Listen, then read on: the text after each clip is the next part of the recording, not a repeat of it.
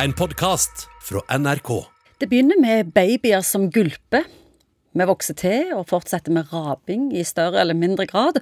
Og når du er skikkelig god og voksen, hender det at du begynner med store, sure oppstøt. Og Morten Munkvik Sa jeg rett nå, eller bare dikta jeg en historie på raping og gulping og sure oppstøt og sånn? Ja, altså, det, det er nok ikke en sånn en livssyklus på disse problemstillingene. De er nok hver for seg enkeltstående greier, men når tid de er typiske i livsløpet, var nok relativt presist. Hvorfor holder man på med dette å gulpe og rape? Så Som barn så holder man på med det fordi man plutselig begynner å spise, og magesekken klarer ikke å romme alt kroppen har lyst på å spise av morsmelk, og da går overskuddet opp. Sånn gulper man. Noen småraper hele tida, det er jo stor forskjell. Ja. Eh, Hva er vanlig? Når raper vi for mye?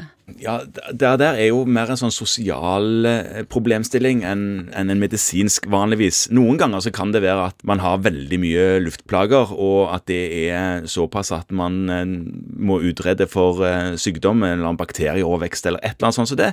Men det vanlige med raping er jo at man svelger mye luft. Det gjør folk i varierende grad. Kanskje de som røyker, svelger mer luft enn de som ikke gjør det. De som tygger mye tyggis, gjør det. De som drikker mye kullsyreholdig væske. Ja, de som er nervøse og engstelige. De som har dårlig tilpassa gebiss. Men nå begynner vi jo å være litt eksentriske. Ja. men, men disse tingene gjør i alle fall at man svelger mye luft, og det, det går ikke gjennom tarmsystemet og går ut som en fis, men det kommer opp igjen som en rap. Er det noe vits i å problematisere raping, eller har noen oppsøkt deg pga. dette problemet, at de raper? Nei, øh, mer det motsatte. At de ikke får rapt. At de ikke føler da at det, galt? Nei, det kan være en eller annen øh, feil i den muskelen som regulerer overgangen fra De får ikke lukta den opp? Nei, de får ikke lukta den opp ordentlig. Ja. De klarer, det, det går greit når refleksen går øh, på vei ned, men de klarer ikke å få det opp. Og disse personene har også problemer med å kaste opp. Sure oppstøt, da? Ja. Er det i samme gata? Sure oppstøt handler mye om at den eh, lukkemuskelen, som har vært inne på et par ganger allerede, mellom magesekk og spiserør, at den kan være litt eh, slakk. Da er den litt mer åpen enn vanlig, og slipper magesaft opp i spiserøret. Det høres heftig ut. Ja, for forskjellen på de to eh, plassene er at magesekken har beskyttelseslag som beskytter mot syre, mens de har ikke spiserøret. Sånn at når den syren som er i magesekken kommer opp i spiserøret, så svir det og brenner det.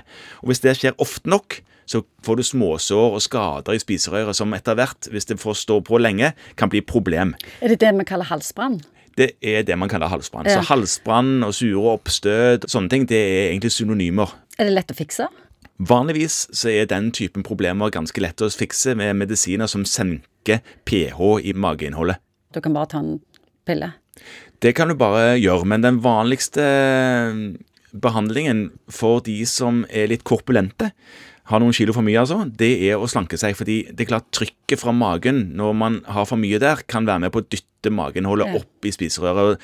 Det er noe som hjelper for mange. Og så må du huske det at det er ikke bare voksne som får dette her, og eldre som får sure oppstøt. Det kan ungdom òg få, og da er det noen ganger at dette seiler under litt feil flagg. Man tenker kanskje at det kan være astma. Fordi denne syren den gjør at man det trigger på en måte luftveiene litt, sånn at man blir litt tungpust, Mm. istedenfor at det er halsbåndfølelse. Så det kan være noe å tenke på hvis man eh, lurer på Så du tror du har astma, men så er det bare sur oppstøt? Ja, og astmamedisin vil jo ikke hjelpe stort, sant? så det er en ting å ha i bakhodet, men dette vet legen. Du har hørt en podkast fra NRK. Hør flere podkaster og din NRK-kanal i appen NRK Radio.